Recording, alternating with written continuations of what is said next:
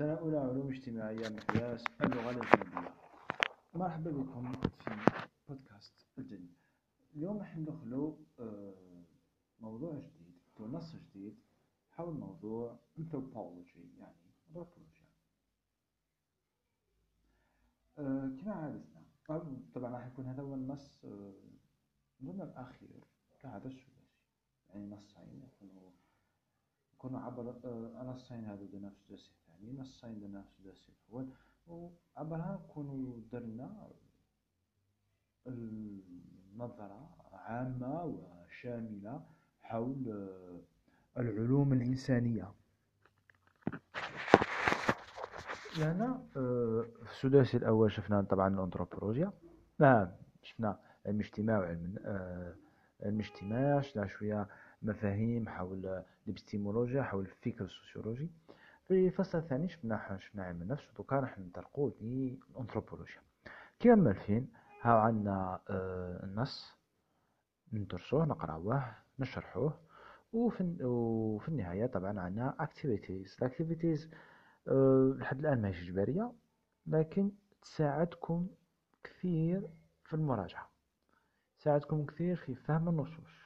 يعني اللي دارها اللي دار شي بحوث باش يفهمها راح يستفاد. h12. So let's start the history of anthropology, part 1a Origins. Anthropology traces its roots to ancient Greek historical and philosophical writing about human nature, the organization of human society.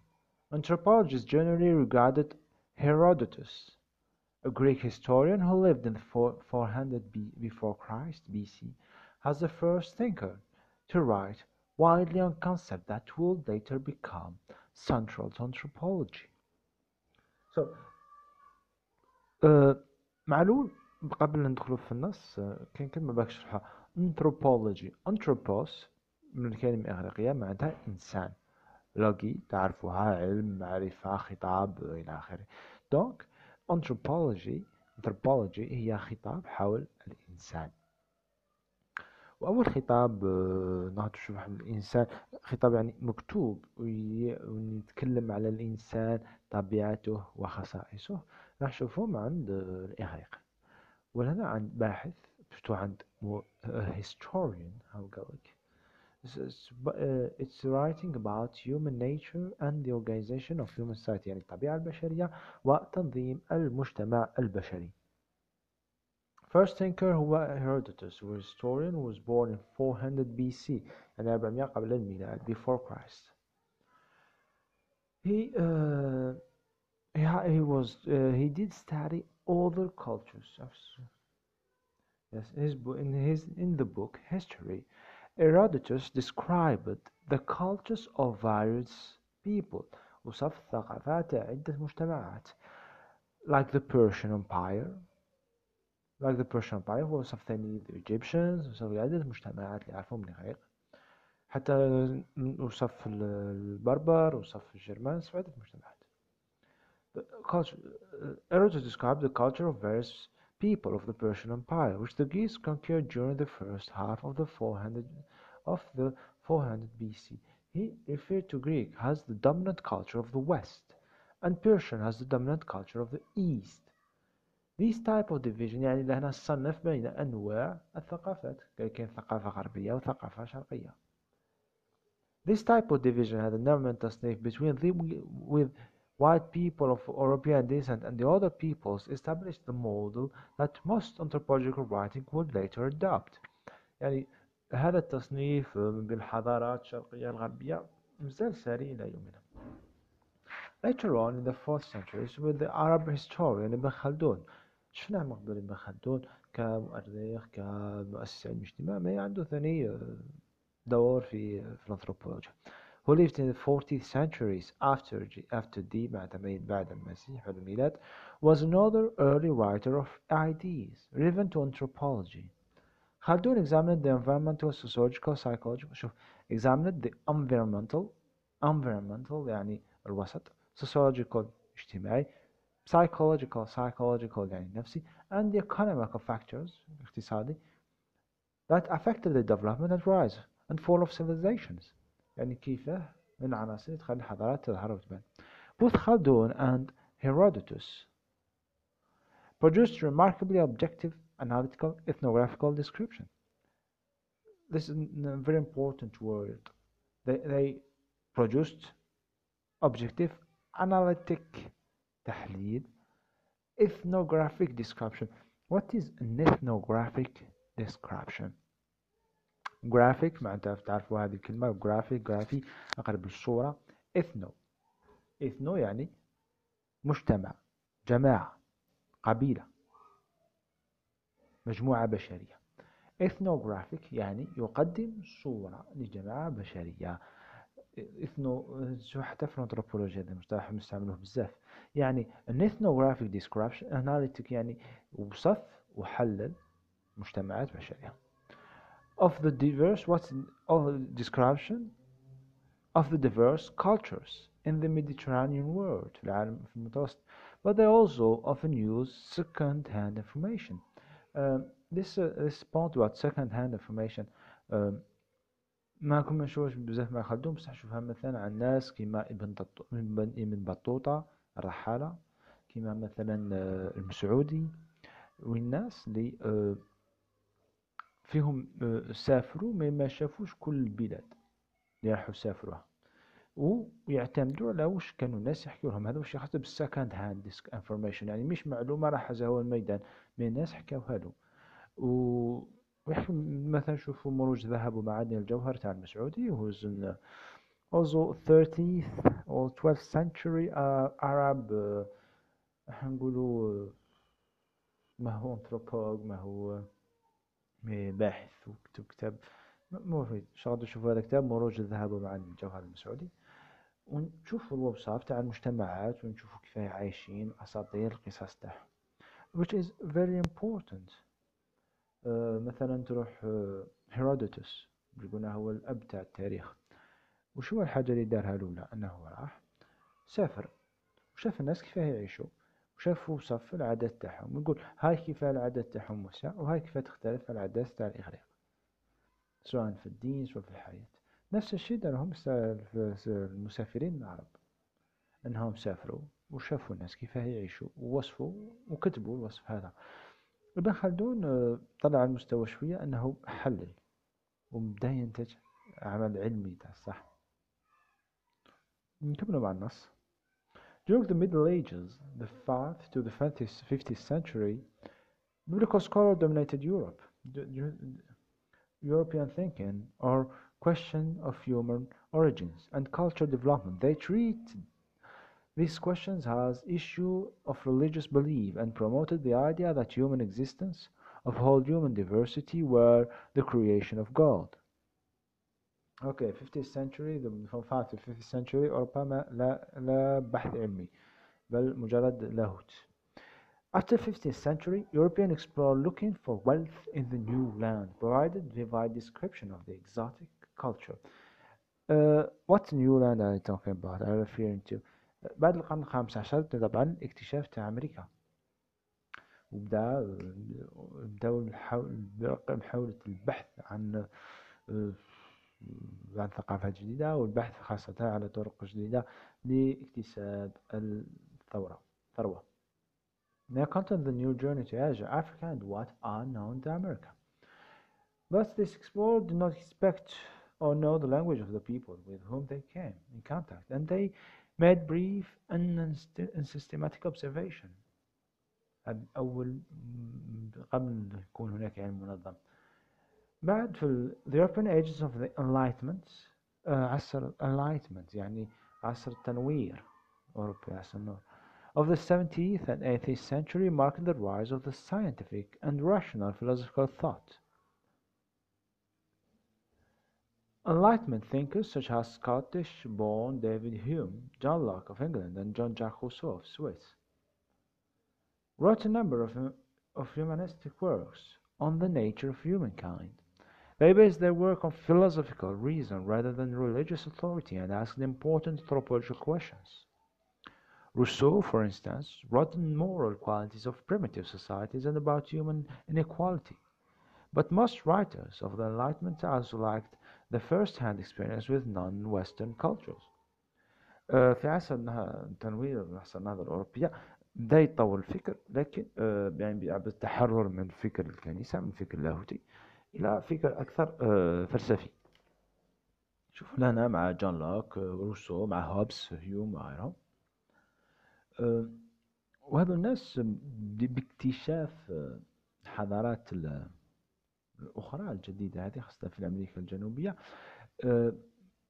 شافوا فيها تطبيق أفكارهم الفلسفية وحاولوا يسقطوا عليهم أفكارهم الفلسفية. ولهنا نشوفها مثلا مع جان جاك روسو. جان جاك روسو عنده فكرة حول the human nature الطبيعة البشرية. وجون جاك روسو يقول الإنسان خير بالطبع. وحاول يسقط هذه النظرية تاعو تاع الإنسان خير بالطبع. على هذه الحضارات الجديدة اللي اكتشفوها ونتكلموا the good savage يعني المتوحش الطيب يعني أنه الإنسان من دون حضارة راهو طيب بالطبع. طبيعة الحال هذا كلام فلسفي أكثر منه ميداني وما كانش إنسان من دون حضارة ما كانش إنسان متوحش بكل بساطة وكل إنسان عنده حضارة تاعو B. Colonialism كملوا القراءة. Colonialism and decrease contact with the other culture لهنا نهضروا على الاستعمار. Because uh, social uh, anthropology is strongly linked to colonialism. الانثروبولوجيا مرتبطة بقيمة بطريقة كبيرة للاستعمار. خلينا نقرأ النص ونشرحهم بعد. with the rise of colonialism political شوف بين قوسين وش يشرح political what is colonialism is the political and economic control over a foreign land يعني التحكم الاقتصادي الاقتصادي والسياسي على بلاد أجنبية. In the 18th century and 19th centuries, European came to increase contact with other people around the world, promoting new interest in the study of cultures. Imperialist nations of Western Europe, such as Belgium, the Netherlands, Portugal, Spain, France, and England, extended their political and economical control to region the Pacific, America, Asia, and Africa.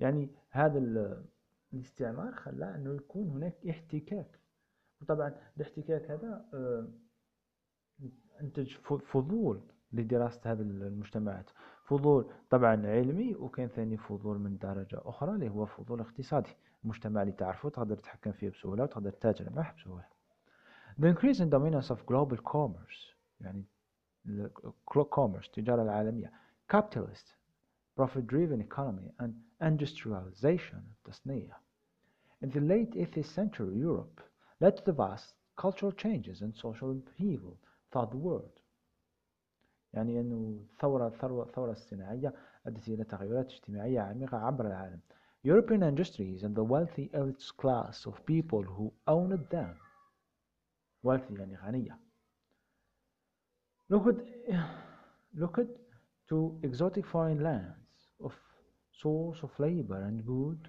goods for manufacturing يعني شافوا العالم العالم كمصنع يقدروا يروحوا وكسوق يبيعوا فيها أسواقهم. In addition, poorer Europeans, many of whom were displaced from the land by industrialization, tried to build new lives abroad. وحتى الأوروبيين اللي اللي ما استفادوش من الثورة الصناعية الناس يعني مثلا الفلاحين يحاولوا الماضي تاعهم الناس الفقراء صح؟ حاولوا يكتسبوا في الاستعمار فرح حياة جديدة. هذا شوفه مثلا في تعمير تاع بلدان كما أستراليا ولا نيوزيلندا وندورها المحابيس وندورها أفكار طبقات المجتمع. took over the administration uh, tried to build new lives abroad. Several European countries took over the administration of foreign regions as colonies. Europeans suddenly had a flood of few of new information about the foreign people who counted in the colonial frontiers. يعني flood يعني فيضان طوفان من المعلومات الجديدة. The colonization colonizing nations of Europe also wanted scientific explanation and justification of their global dominions. In response of this development and out of the interest in new and strange culture, the first amateur anthropologists formed societies in many Western European countries in the early 19th century. This society eventually spawned professional anthropologists أنا يقول بلي بالإضافة إلى الفضول الاقتصادي اللي تكلمنا عليه في الفصل الأول قبل قبل فعلا كاين ناس اللي عندهم فضول علمي باغي يعرفوا. وبدا فما anthropological societies يعني جمعيات أنثروبولوجية ما كانش محترفة ما كانوش باحثين لكن مجرد خواص بغاو يدرسوا يفهموا لي هذوك الجمعيات اللي خرجوا منها les premiers anthropologues راح نتكلموا على anthropological societies. societies يعني يقصدوا بها جمعيات. Devoted themselves in scientifically studying the culture of colonized and explored territories. So they studied the culture of colonized and explored territories. دوس الثقافة قبل أن نكمل كاين نقطة ثانية. كاين من جانب آه، المبشرين المسيحيين. ثاني يحاولوا يفهموا ثقافات المجتمع اللي راحوا يزوروهم باش يكونوا ذو فعالية أكبر في عملية التبشيرية تاعهم ثانية باش نفهم. كملوا. نكملوا النص. Researchers filled ethnological and archaeological museums with collection obtained from the new empire. ثم ثاني ظهرت حاجة يسموها les musées de l'homme museums وين آه، ياخذوا المعالم الثقافية تاع مجتمعات ينهبوها بكل بساطة نهب باش يديروها في المتاحف عندهم في أوروبا. شوفوها مؤخرا مثلا آه، تماثيل برونزية من مملكة الغانا اللي آه، سرقتها لهولندا غير كيف تم استرجاعها في غانا physical anthropologists measured the skulls of people ثاني كان هنا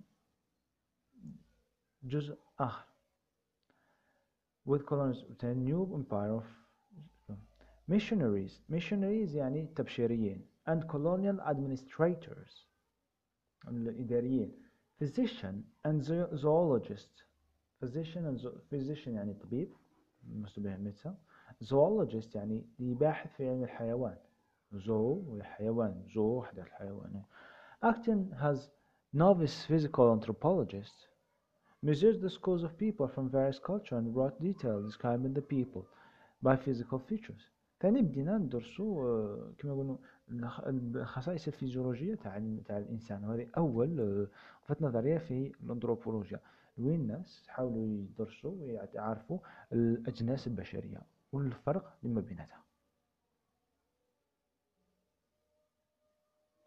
Toward the end of the 19th century, anthropologists began to take academic position in college and university يعني في بداية نهاية القرن التاسع عشر يعني في بدأت تظهر الأنثروبولوجيا كعلم. Anthropological associations also became advocates of anthropologists to work in professional position. They promoted anthropological knowledge for its political, commercial and humanitarian values. يعني الانثروبولوجي لهنا لا نقولوا إنها مرتبطة بال بالاستعمار أنها خدمت وفات المصالح تاع الاستعمار. أنها آه، بالمعرفة تاعهم للأقوام المستعمرة خلاهم يقدروا يستعمروها أحسن. أنها بها آه، تم إنتاج نظرية عرقية هذه physical anthropology أنهم تم تصنيف الأعراق يقول لك هذا العرق الأسود وهذا الخصائص تاعها ويبرروا بها الاستعمار لأنه يقول لك هذا العرق غير متطور وثاني يستعملوها في في التبشير. This is the point. Uh, hope it wasn't too fast عم بالي كنت خاص بشوية إلا أنه هذه مقدمة uh, بسيطة جدا تقدر نحن نلخصوها في زوج كلمات وراح نعاودو نهضروا عليها إن شاء الله في الدرس في الدرس يعني جيسبر تكونوا حاضرين. Uh, without delay thank you and see you for the next podcast